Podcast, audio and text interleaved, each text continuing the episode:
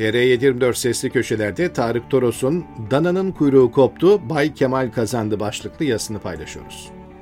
Kemal Kılıçdaroğlu 14 Aralık'ta görüleceği bir ay öncesinden belli Ekrem İmamoğlu davasını önemsemedi.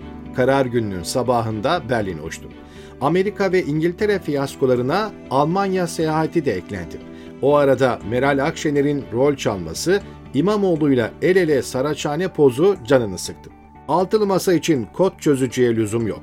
Kılıçdaroğlu Akşener'in 2 Aralık'ta Habertürk yayınında İmamoğlu veya Mansur Yavaş'a hayır demeyiz çıkışına çok alınmış olacak, iç işlerimize karışma mesajını bu defa açıktan verdi. Akşener ne derse desin, inisiyatif Kılıçdaroğlu'nda. Ortak aday CHP'li olacak. Akşener'in buna itirazı yok. Sadece bu konuda belirleyici olmak istiyor. Ayrıca İmamoğlu veya Yavaş'a hayır demeyiz çıkışıyla CHP'nin iç işlerine filan karıştığı da yok. Seçime 6 aydan az zaman kaldı. Kampanya dönemi kapıyı çaldı çalacak. Buna hazırlanacak vakit kalmadı. Hangi adaya nasıl elbise biçecek ve nasıl takdim edeceksiniz?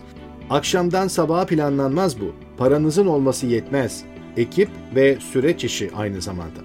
Temel Karamollaoğlu'na acil şifalar dileriz. Lakin altılı masanın onun düzelmesini bekleyecek vakti yok. Saray Başdanışmanı Mehmet Uçum, karar hukuka uygun, muhtemelen onanır, farklı karar çıkarsa bu tartışılır dedi. YSK Başkanı Muharrem Akkaya karar kesinleşirse seçime girip kazansa bile mazbatası verilmez dedi. Her iki açıklamanın Haber Türkiye yapılması tesadüf olamaz elbette. Elinoğlu boş durmuyorsa sizin de hızla aksiyon almanızı icap eder. Ne çare, ülkede iktidar da muhalefet de şaşırtmıyor artık. Sarayın hamlelerini, buna muhalefetin tepkisini tahmin etmekte zorlanmıyorsunuz. Daha önce nasıl yaptılarsa öyle yürüyorlar çünkü. Tuhaf olan Erdoğan seçim kampanyasını Eylül'de başlattı. Bahçeli'yi bile meydanlara sürdü. Muhalefet öylece bekliyor. Hatta öğreniyoruz ki Kılıçdaroğlu'nun danışmanları onu epeyce doldurmuş. İmamoğlu davasından bir şey çıkmaz efendim. Karar veremediler zaten yine ertelerler. Yıldızınız çok parlak. Bakmayın çıkan haberlere. Anketlerimiz desteğinizin arttığını gösteriyor. Mealen böyle. Soru CHP'de kim saraya çalışıyor sorusu değildir. Yararı yok bunun. Hem altılı masa bunun için kurulmadı mı?